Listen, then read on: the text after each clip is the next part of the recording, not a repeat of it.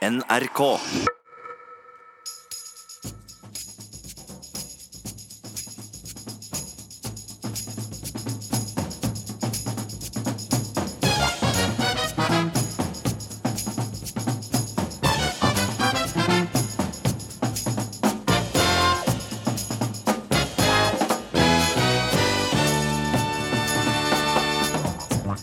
Skuespiller Anne Marie Ottersen gir tommel opp for sitt nye fylke Viken.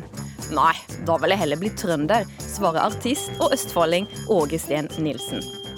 Svenskene er inne i sitt siste døgn før de skal stemme.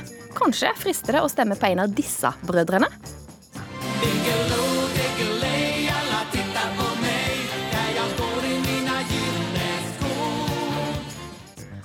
Med Berit Svendsen ute av Telenor er kjønnsbalansen i næringslivet enda verre.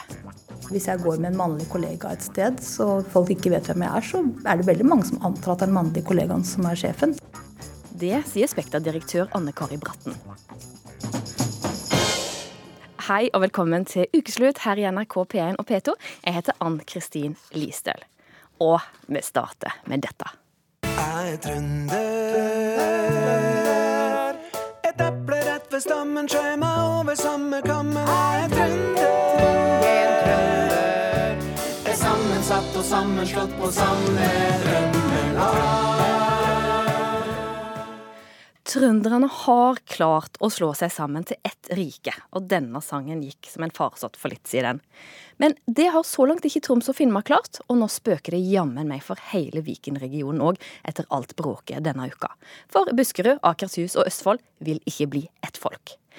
Åge Steen Nilsen, du er artist, du er kjent som Glam i Vigvam. Nå er du i rockebandet Ammunition.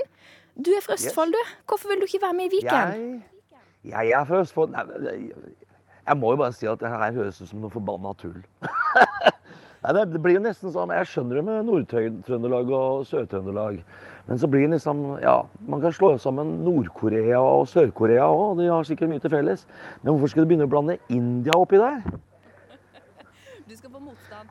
Anne Marie Ottersen, du er skuespiller. Du er fra Kongsberg i Buskerud. Ja. Selv om du bor i Oslo. Ja da. Du syns Viken er en god idé. Hvorfor? Jo, jeg syns sammenslåing er en god idé, fordi vi er så få her i landet. Det er 426 kommuner, og det har vært eh, 18 fylker. Jeg er egentlig for å ta bort, hele, ta bort det fylkesstyret, for det mener jeg var unødvendig. Vi behøver ikke å overstyres så veldig. Slå sammen flere fylker, så blir det mindre byråkrati. Og nå er jo oppgaven for disse fylkene også at de skal få mer eh, medbestemmelsesrett, dvs. Si mer rett til å bestemme over seg selv. Det mener jeg er en bra ting. Så vi, eh, jeg er for. Men Åge Stein Nielsen, du mener du har mer til felles med trønderne du, enn folk fra Akershus og Buskerud. Hvordan da? Helst. Jeg skulle vel heller lagd en bro over til Trøndelag. Jeg kunne slått oss sammen og kalt det Trønderfold eller noe sånt. Noe. Nei, men det blir jo litt som en identitet å gjøre, da. Så jeg føler at vi østfoldinger vi har en eh, helt klar og tydelig identitet. Og, og den ønsker vi å bevare, vet du. Og, og, Men, men som sagt, det, hvis det, er, det, det kan kanskje være penger å spare, men du vet, mindre byråkrati, men allikevel så blir det den stor, stordriftdelen som, som etter hvert glemmer hva, hva som er hjertet i regionen. Og vi har eh, faktisk henta inn et lite Østfold-lag til deg, og et eh, Buskerud-lag til Anne Marie Ottersen her.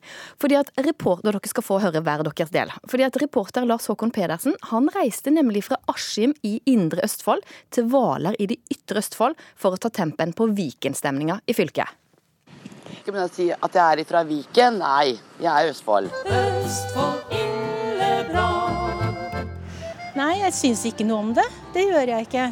Er det noen som syns om det, da? Likevel egentlig også klare over sjøl, vi. Ikke sant? Det er jo det som er med Viken. da, at Det blir jo et fryktelig stort fylke sånn i areal og, og lengde sånn sett. Du drukner i det store, alltid. Østfold at det er på en måte alt det, vi, det fine vi har her i skjærgården. At hvis vi da skal sammenslå de fylkene, så at det da forsvinner litt av det vi har. Nå kommer jeg og tar deg. Du, Hva er Buskerud for deg? Ingenting. Nei, men det er ikke, jeg har ikke noe eh, tilhørighet til det. Nei, jeg vet veldig lite. Bør jeg det? Har du noe til felles med de i Buskerud, syns du? Nei, Det, jeg føler ikke det. At vi har noe til felles der.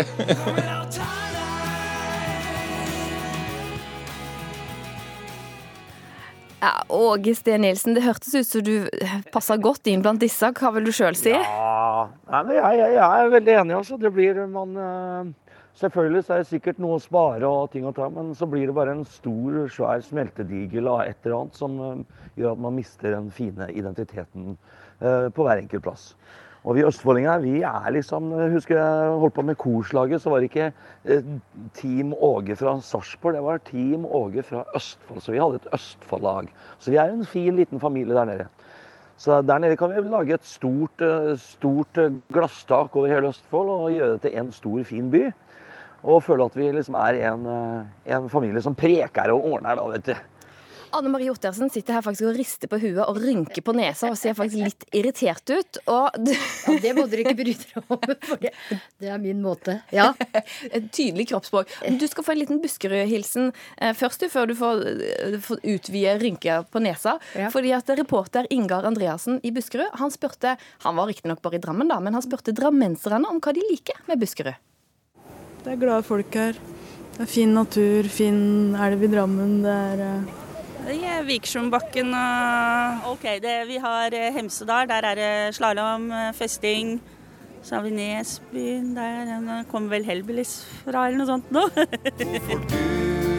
Du er den fineste vei. Eh, hva vet du om Østfold? Østfold? Jeg vet ikke. Litt mer harry, liksom. Litt mer harry? ja.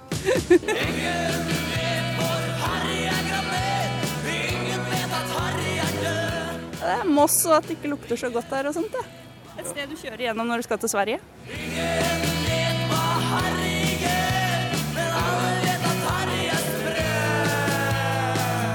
Østfold? Ja, det er, der, der, det er der de der rånerne kom fra, det.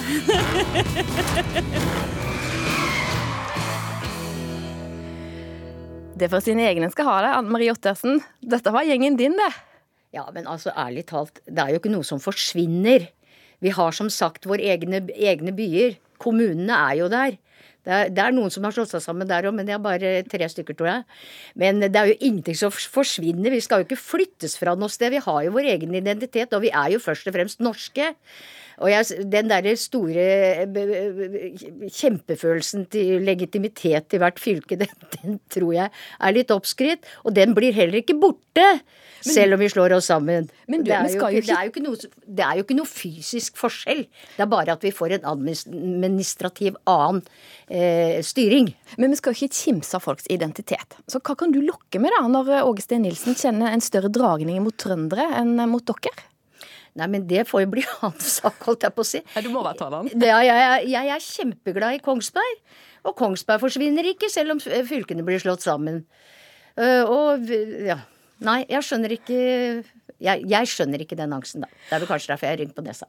Åge Steen Nilsen, det er jo faktisk sånn at Det er vel ikke noe angst akkurat, men uh, du vet, det handler om identitet, og det handler om, uh, om de som skal styre dette Viken-fylket. Hvilke, hvilke behov og hvilke, hvilken identitet de på en måte skal, skal ta vare på. Og, og det er ganske viktig, faktisk. Åge Steen Nilsen, det er jo sånn at altså, Fylkeskommunen har jo ingen et forhold til i det daglige. Før de plutselig får høre 'hø, skal ikke jeg høre til Vestlandet lenger?' Eller, eller Troms eller Finnmark. Så hvor mye vil du si at dette er følelsesstyrt, og ikke basert på faktisk kunnskap? Nei, Jeg har vært borte i fylkeskommunen i, i mange, mange, forskjellige forhold. Også kulturelt og sånn, som, som, tar hensyn til Som ivaretar fylkets behov og fylkets beste. Fordi at de faktisk sitter i akkurat det fylket hvor det er en, en sammen, sammensatt gjeng av folk som har samme identitet. Og det er klart at det, det skal en ikke kimseta, som vi sier i, i Serp. Nei, jeg er jo vestlending, selv om jeg har blitt skvisa fra det fylket nå. Det, det jeg vil spørre om er hvor, hvor, mye penger skal det brukes på den totalt uh, ugjennomtenkte sammenslåingen? Antagelig så vil det brukes millioner på å slå sammen disse her fylkene og skape noen nye identiteter og ting og tang. Eh, som jeg, Jeg må jo bare, må jo bare si at denne her identitetssøkningen til fylket, den syns jeg er litt sånn absurd. Men det kan hende at det du har det det for forstå. Østfold, og det skal jeg ikke Det er jo dine kan- følelser. Men det er virkelig følelsesbasert. Jeg kan jo forstå det når man sitter i. Buskerud, eh, at man ikke har den identiteten når man sitter i Buskerud eller Akershus. Men når du er en stolt østfolding, så, så kjenner du virkelig på det. Men det, jeg bare si en ting, at det vi, vi er jo redde Altså det blir jo bråk hver gang noe skal forandres. Men ting må faktisk forandres. Vi står ikke stille. Og av og til må ting forandres. Vi hadde røykeloven, vi hadde operaen, vi hadde øh, flyplassdiskusjon. Hver gang noe skal forandres da i Norge, jeg- så blir det stort stor bråk. Men, men Da må jeg inn på banen. Vent litt, må jeg, jeg må inn på banen du der skal i få forhold komme til inn. forandringer. Vi sier det kort, for vi skal slippe inn en til. Ja. Og andre ting. Blant annet den flotte loven som handler om at alle røykpakker skal være grønne. Altså, Har du hørt noe mer idiotisk? Vi skal slutte å røyke, og så skal de heller lage sånne grønne pakker og grønne snusbokser. Ja, men det var faktisk ikke noe røyker ikke noe diskusjon om. ikke mindre. Men dere to, Nei. nå må jeg faktisk, her er fylkeskranglinga så til de grader i gang, og dere holder nå på å skvise de som har lyktes.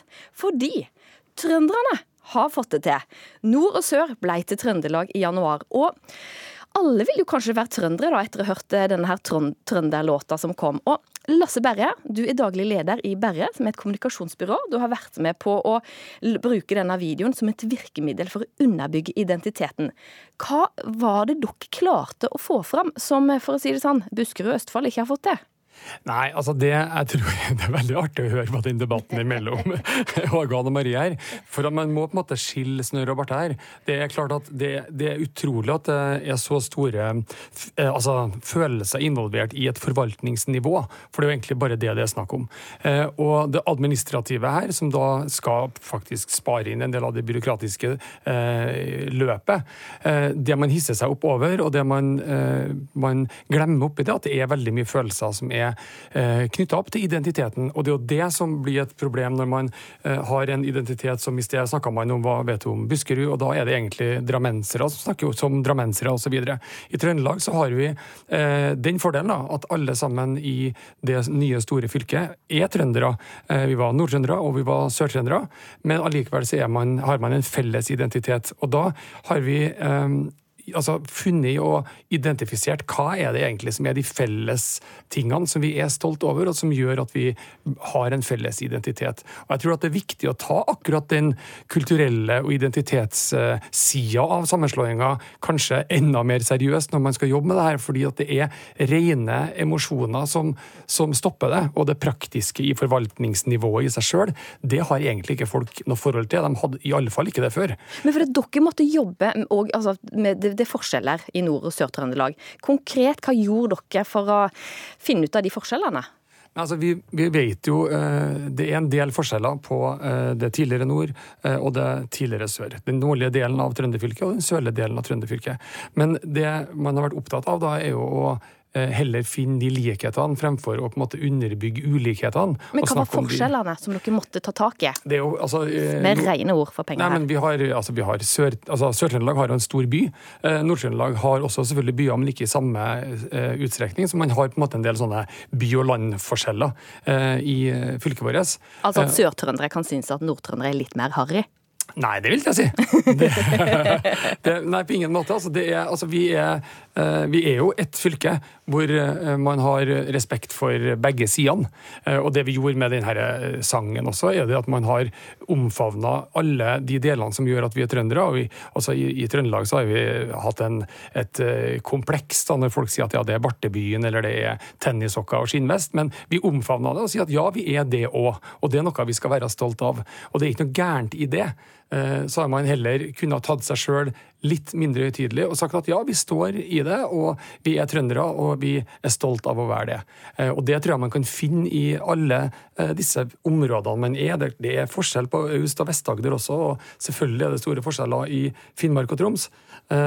Viken er jo et større område som er kanskje vanskeligere å finne de samme identitetene, men hvis vi løfter oss opp på et sånn høyere plan, så er vi jo alle, som Anne Marie sa i sted, vi er jo norsk. Vi har jo, felles, vi, vi har jo masse fellestrekk. Og nå, Ottersen, skal du få lov til å prøve å sjarmere eh, den godeste Nilsen. Kan du gjøre det med en, en Viken-sang, eller? Nei, jeg kan ikke, men kanskje vi to kan slå sammen og så bruke Kongsbergsangen som utgangspunkt. For det- Kongsbergsangen? Ja, kan du den, da? Nei. Nei, den kan alle kongsbergensere. sånn Så når vi møtes, møtes utaskjærs, så synger vi den sammen. Hvordan er den, da? Jeg vil bare si at jeg, til han uh, Lasse at den, den, den trøndervisa var fantastisk. Rett og slett. Nok om det. Nå skal jeg ta Kongsbergsangen. Skal? Drønn fra fjellet, sus fra skogen, vekker bergstaden ved lågen. Arbeidslivets våpen gny, for i fosselarmen ly. Det er Kongsberg, det er Kongsberg, sølvomspunnet. En, to, tre. Byen vår til vi er bundet. En, to, tre er veldig viktig. Det sa banka læreren med fingeren i kateteret da vi lærte den. Så alle, når alle synger Kongsbergsangen, så nikker alle hodene så vi ser sølvomspunnet. omspunnet, hm, hm. Byen vår Så der har vi et utgangspunkt. Dere vi- er langt over på tid. Åge Steen Nilsen, for vi får heller invitere deg tilbake, så du kan bidra med en Østfoldsang. Så får vi heller spleise dere to i et forent eh, Enten om det blir eh, Buskerud og eh, Østfold, eller om det blir Viken, eller hva det blir. Takk til Lasse Berre, Anne Marie Ottersen og Åge Steen Nilsen.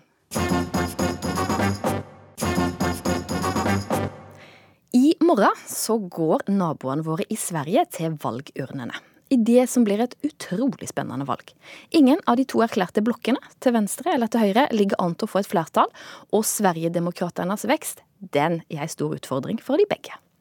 I hovedstaden så setter partilederne inn støtet i dag, i håp om å vippe de siste som ikke har bestemt seg, over til akkurat sitt lag. Og med seg på laget har de ukjente kandidater som er klare for Riksdagen, hvis velgerne gir de tillit. Partileder for Moderaterna, Ulf Kristersson. Jøss, så lav han er. Du er jo høyere, hvisker tenåringene til hverandre når Ulf Kristersson dukker opp på Medborgarplatsen i Stockholm.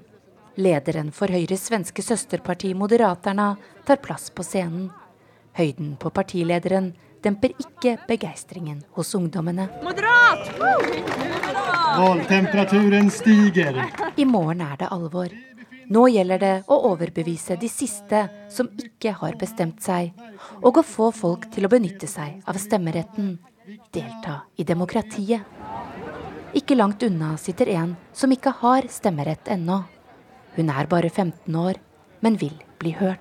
Eh, Det viktigste vi kan göra att eh, först och främst behandla klimatkrisen som en kris. För människor kan bra på att anpassa sig och när det väl är en krissituation så löser man det mesta ganska fort. Hoppas jag i alla fall. Ja. Hantera det som en kris. Bete oss som om vi var i en krissituation, för vi är det.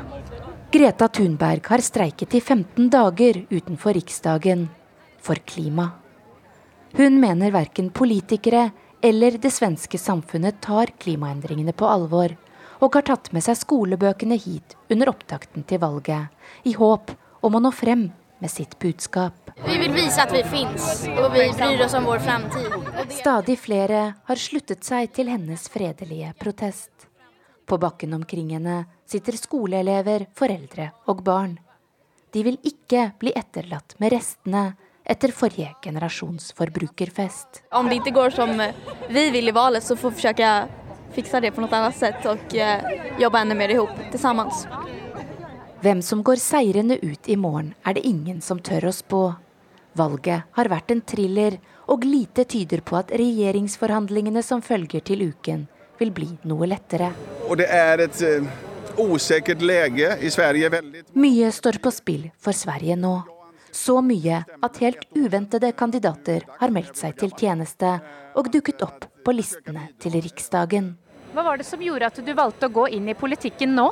Ja, jättebra fråga. Jeg har ventet lenge. Jeg har- jeg har holdt meg veldig lenge. Jeg har vært interessert av politikk egentlig hele mitt liv. Veldig mye så. Har aldri vært med i noe parti. Men har eh, de senaste tio åren kan man säga diskuterat väldigt mycket och debatterat på sociala medier och varit en ganska aktiv debattör i, när det gäller samhällsfrågor. Fersk som politiker, men en velkjent svenske. Som du kanskje kjenner best slik.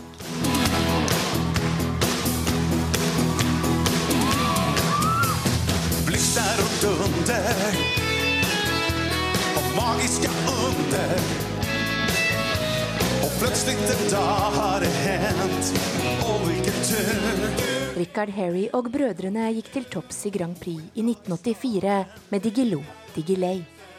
Nå har han byttet ut de gylne skoene med en blå valgkampfest, og håper på magiske under etter valget på søndag. Diggiley,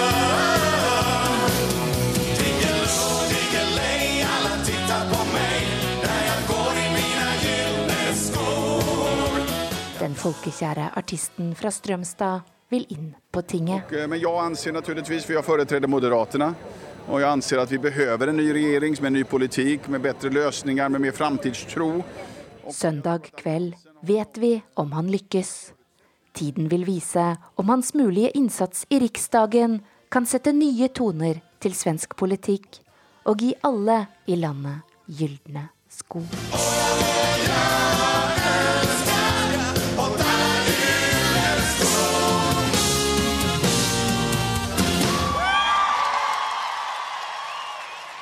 Det var vår reporter i Stockholm, Charlotte Bergløff, som hadde laga denne reportasjen her. Eh, Og valget i Sverige det kan du følge med på eh, alle NRK sine plattformer både i dag og i, i morgen.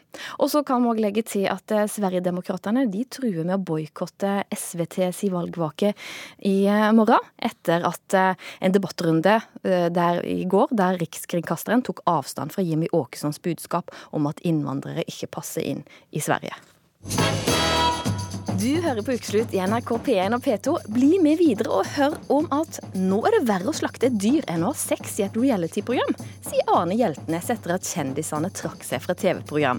Jeg droppa kjøtt på dagen da jeg skjønte hvordan dyra har det, svarer blogger Kristin Gjelsvik. Og hvem i huleste er personen i Det hvite hus som har skrevet den anonyme kronikken om Donald Trump? Vi skal snakke om kjøtt. Eller ikke kjøtt. For denne uka ble det jo kjent at flere kjendiser trakk seg fra NRK-programmet Folkeopplysninga. Etter at de hadde vært med i et såkalt Firestjerners middagsspesial og slakta sitt eget lam. Etter en del nøling frem og tilbake blei sauen slakta. Stakkar. Og spist. Nam-nam. Men etterpå begynte tvilen å melde seg hos den som hadde slakta sauen.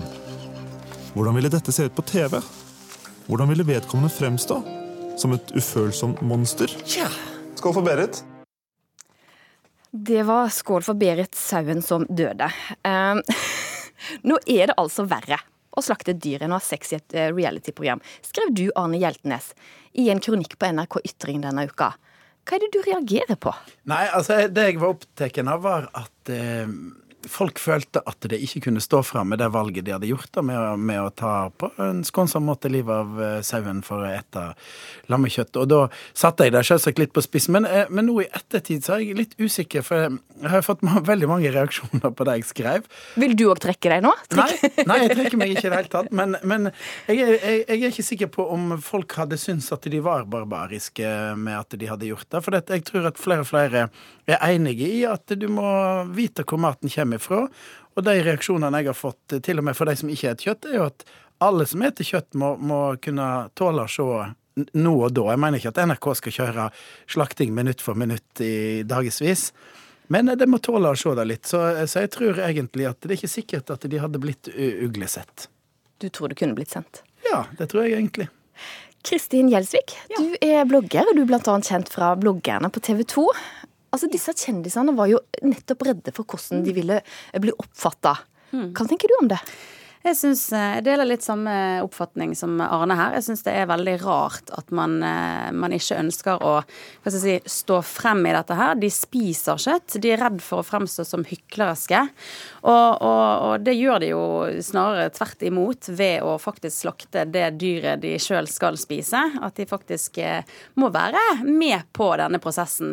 Så jeg, jeg skulle likt å visst litt mer hva de faktisk hva de egentlig tenker på. For jeg ble veldig nysgjerrig på hvorfor de velger å, å, å forbli anonyme i dette her. Eh, Jeg syns det er bedre å ja, Stå, stå for det du gjør, da. Altså, Spiser kjøtt, så får du vite at eh, et dyr må dø for at du skal få i deg den biffen. Og vi kan si at vi har eh, gjennom produksjonsselskapet spurt kjendisene om de hadde lyst til å være med for å fortelle hva som var ja, grunnen til at de trakk seg. Men dere to er jo enige om at ok, du må tørre å stå for det. Men hvis vi nå tenker folket, da. Altså, du verden så dømmende vi kan være noen ganger, og vi elsker søte dyr på Facebook. Altså, hvis, hvis du da, Arne Hjeltnes, hadde vært med i dette TV-programmet, slakta dette dyret, du skyter det sjøl, du ser den sauen få kula i huet, søte sauen detter ned, så står du og tilbereder det.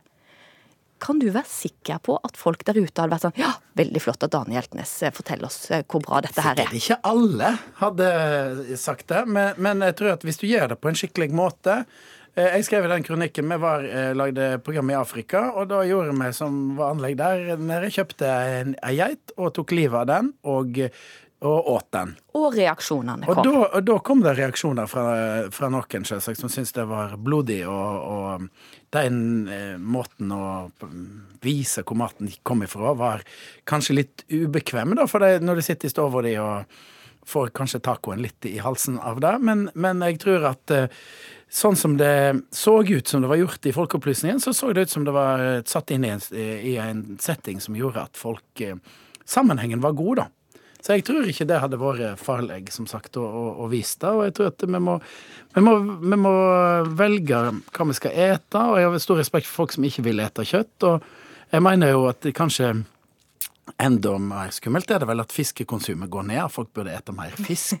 For du, har, du har, er kjent for å profilere, det- eller profite, Ja, profilere fisk òg. Rett skal være rett. Ja da, men, men og det at maten skal være så billig, alt skal være så billig, og da vet du at hvis du går og kjøper noe som er veldig billig, så er produksjonen billig.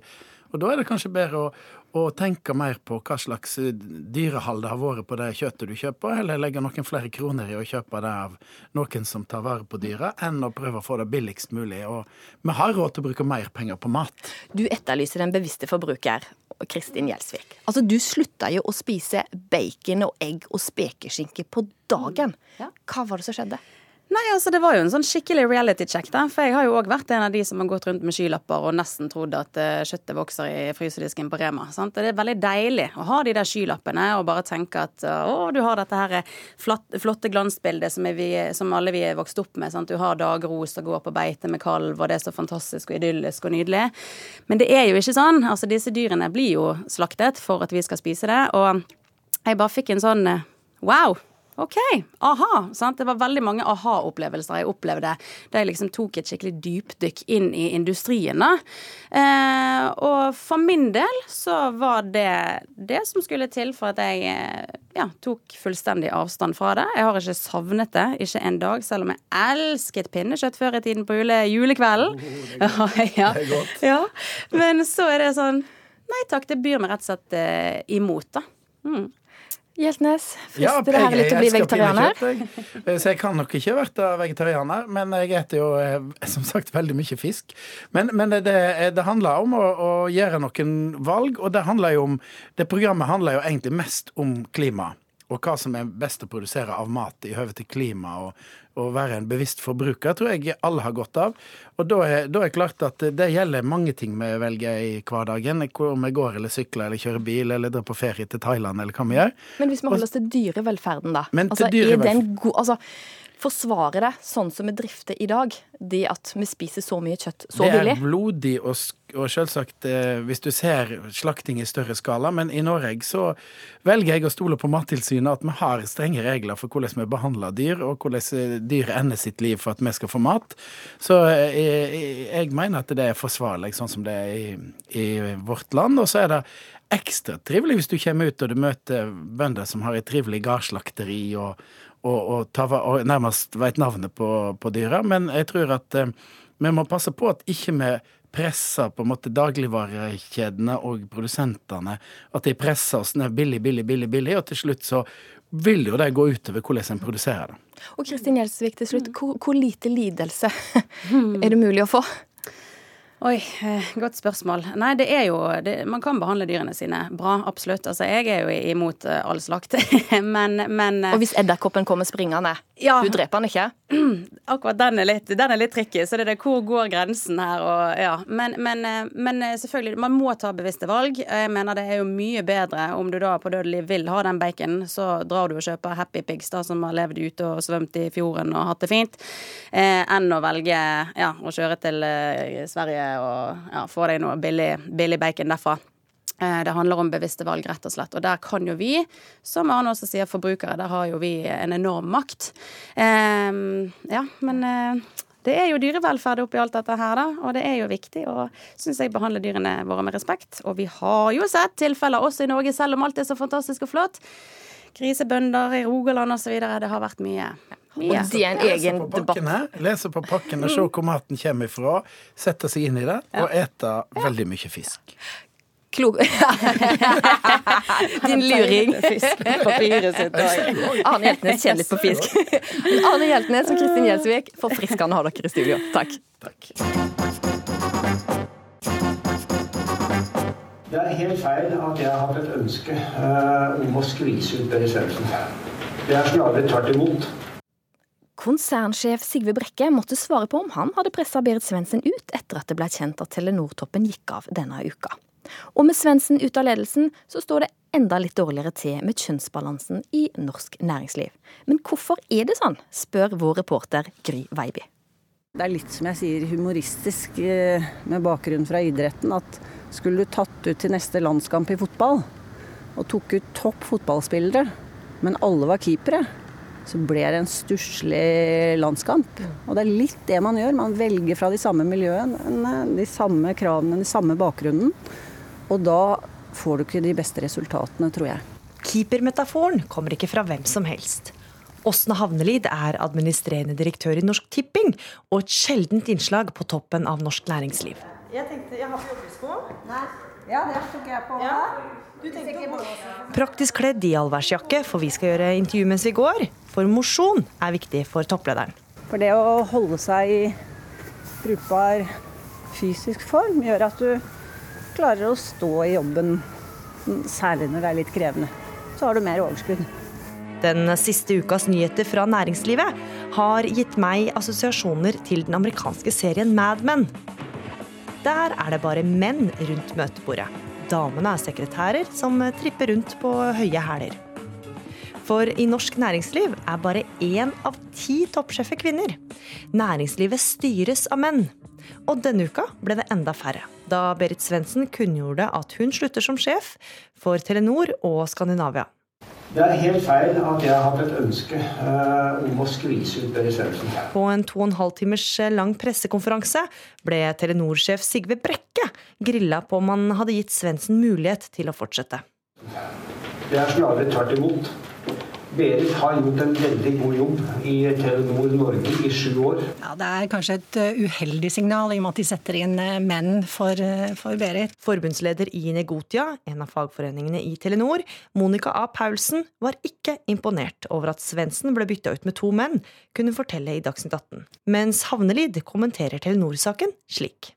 Jeg tror ikke jeg skal gå inn i den spesifikke Telenor-saken, men jeg syns det er leit når en, på generelt grunnlag at noen så store bedrifter ikke klarer å, å utvikle og få fram kvinnelige kandidater. Så mener jeg de har en jobb å gjøre. En kan jo få inntrykk av at næringslivet ikke akkurat er så opptatt av damer på toppen. Hei! Hei. I 17. etasje sitter Anne Kari Bratten. Hun er administrerende direktør i Norges tredje største arbeidsgiverorganisasjon, Spekter, og er vant til å bli hørt. Dersom folk vet hvem hun er, da. Hvis jeg går med en mannlig kollega et sted, så folk ikke vet hvem jeg er, så er det veldig mange som antar at det er den mannlige kollegaen som er sjefen. Det er jo, jeg blir veldig lattermild av det. Og så tenker jeg det er kjempepinlig for den som oppfattet det sånn. Og så er jeg så overrasket over at du holdt på med dette i 2018, men det betyr jo bare at vi må fortsette.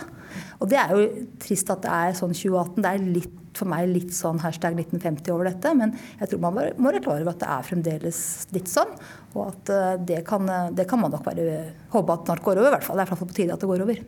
Ja, her ser vi jo Kristin Skogen Lund, og vi ser høyesterettstatuaret Storil Øy. Vi ser I glass og ramme på veggen henger bildet VG tok da de lagde saken om kvinnene som bestemmer i Norge. Bratten står med rak rygg litt bak Erna Solberg, og ytterst i bildet står Berit Svendsen.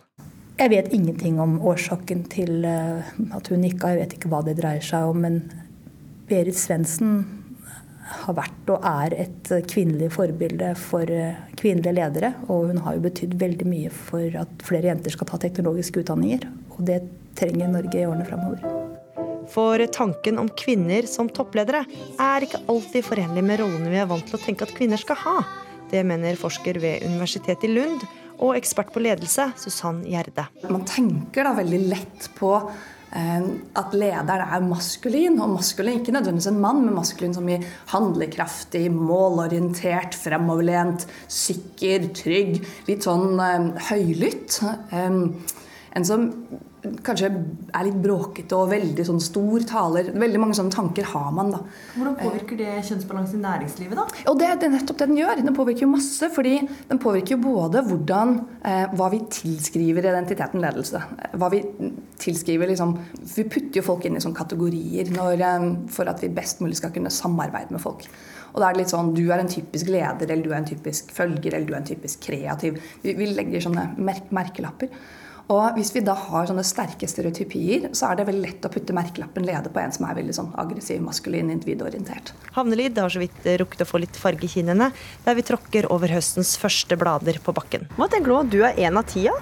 Jeg syns det er altfor få, og håper at flere damer sier ja og tenker at det å bli leder er en spennende eh, karrierevei. For det er spennende å være leder. Du får være med på mange spennende ting. Er med på å drive en organisasjon framover. Selv om det i perioder er både slitsomt og litt ensomt, så er det veldig moro.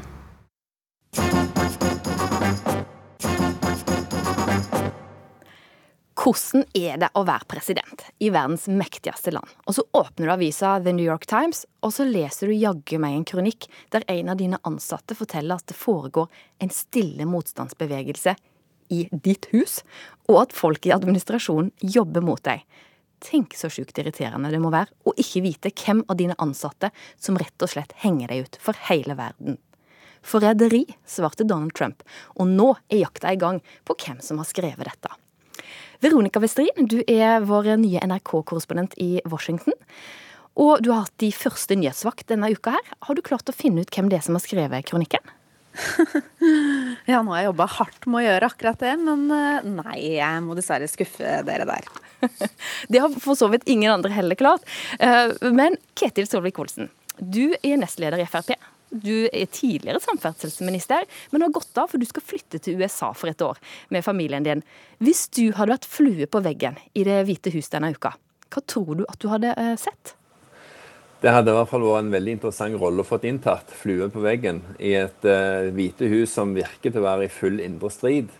Jeg tror nok vi hadde sett en president som var, kanskje med rette, ekstremt irritert. For uavhengig om en liker politikken hans eller ikke, uavhengig om en liker personen eller ikke, så man forventer at de som har sagt ja til å ta en rolle i Det hvite hus for å støtte opp om presidenten og eh, ut, eh, sette hans vedtak ut i livet, at de forholder seg lojalt til det. Og Hvis du ikke er enig, så får du gå ut i det offentlige og ta stemmen.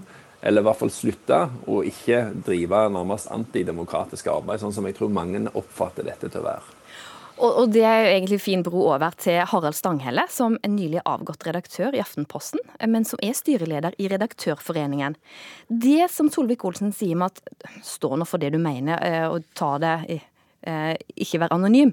Hvis en anonym ansatt tett på Erna Solberg eller tidligere statsminister Jens Stoltenberg hadde kommet til dere i Aftenposten med en sånn kronikk, hvis det var kaos i Norge, hadde du publisert den? Ja, det tror jeg. Men jeg tror vi hadde gjort to ting. Det ene var å forsikre oss om at dette ikke var eh, en gimmick eller noen som freiste å lure oss. Eh, og det andre er at eh, jeg er nokså sikker på at eh, sjefredaktøren eh, i Aftenposten eh, måtte få vite hvem som var eh, kilder. Og Solvik-Olsen, hvis dette hadde skjedd i i, mens du var statsråd, da, hva hadde dere gjort for å prøve å finne ut av det?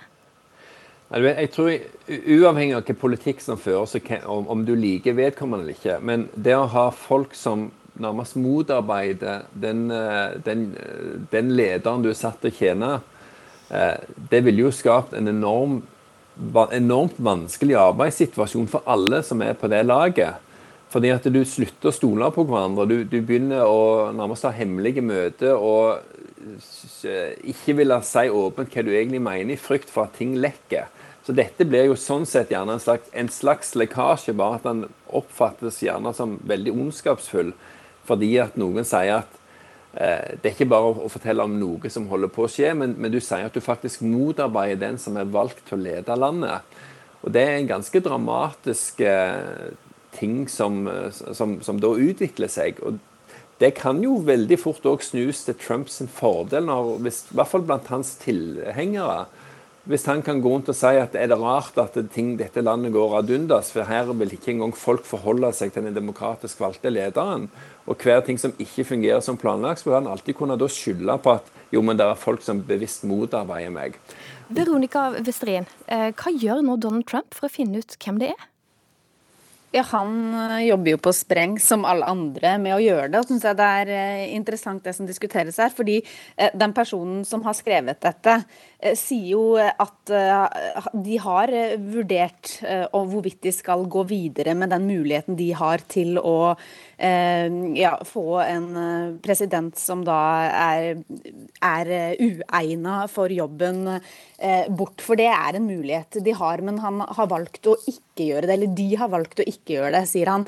Eh, så på den måten så, så sier denne kronikken to ting. Den sier både at eh, vi mener presidenten er uegna, men vi gjør ikke noe med det. Eh, og det er jo ikke bare det er ikke bare presidenten som, sagt, som jobber med å finne ut eh, hvem, hvem dette er. Eh, Media har jo spekulert i et, et stort antall personer som kan ha motiver for å, å stå bak, og den lista den er jo ikke kort. Ja, Harald Stanghelle, hvem tror du det er? Du, der eh, er jeg på samme plan som absolutt alle andre. Jeg aner ingenting om det. Men jeg er jo helt sammen med, med det Kjetil Solvik-Olsen sier, at dette er jo en dramatisk situasjon. Det er jo helt absurd at en som har sagt ja til en jobb der en skal være lojal mot presidenten, eh, gjør dette. Og så sier det vel noe om hvor absurd hele Trumps presidentskap er også. At eh, det er noen som finner grunn til å skrive en sånn kronikk. Og Så tror jeg vi kan diskutere er dette en varsler, altså en viktig person, eller er det en tyster? En feig person. Og Den diskusjonen kommer vi til å uh, fortsette ganske lenge. Og husk, det tok over 30 år før vi fikk vite at eh, Mark Felt var eh, Watergate-kjelda. Ketil Solvik-Olsen, varsler eller en feig person? Jeg mener at det er en feig person. fordi at eh, Hvis en mener at dette er så ille at det nesten handler om at du må motarbeide presidenten innenfra for å redde landet, da burde du våge å ta den diskusjonen ut i det offentlige. Og Hvis du da faktisk er en fremstående person, så ville du ha ganske mye autoritet i dette. Og det, det er jo her jeg hvis jeg relaterer litt til Fremskrittspartiet Enhver som kan lage en skandale i Frp, blir jo automatisk en, en eh, profilert Frp-er, selv om du sitter som tredje varamann på ei bygde liste langt ute. ikke sant? Sånn at igjen, Det gjør diskusjon ekstremt vanskelig egentlig for alle parter. fordi at du vet ikke er det en ordentlig profilert person, eller er det bare en som har blitt forbigått i hierarkiet, og som bruker dette til å hevne seg eh, fordi at han nå liksom ikke har fått den plassen og statusen som en ønsker. Så hvis en faktisk vil være med å påvirke samfunnet sitt og mener at Trump ikke er bra i den rollen han har, så burde han òg spille med åpne kort og eh, våge å stå fram for den han er. Ja, og til korrespondenten vår, da. altså Utenriksministeren, forsvarsministeren, visepresidenten går ut og sier 'It's not me, it's not me'. Hvordan blir liksom eh, alle disse som går ut og avkrefter at ikke de Hvordan blir det oppfatta? Eh, Nei, altså det er jo som forventa at, at folk går ut og sier det ikke er de. Media har jo febrilsk prøvd å, å ring, ringe rundt eh, nettopp for å høre er det noen som ikke vil avkrefte. Men jeg vil jo tro at eh, også den som har skrevet dette, blir den oppringt, så vil den eh, garantert avkrefte at det var den. Eh, men, men denne kronikken slo jo ned som en bombe her i eh, USA, og, og er jo fortsatt på agendaen til alle. Og denne uka her òg ført til at du Vesterin, Vesterien, har jobba veldig mye denne uka, og ikke minst stått opp grytidlig for å være med oss eh, her i Ukeslutt. Eh, Vi sier tusen takk til deg. Det samme gjør vi til Ketil Solvik-Olsen og til deg, Harald Stanghelle. Ukeslutt er over for denne gang. Ansvarlig for sendinga Linn Beate Gabrielsen. Teknisk ansvarlig Ida Larald Brenne. Jeg heter Ann Kristin Listøl. Vi ønsker deg ei fin helg.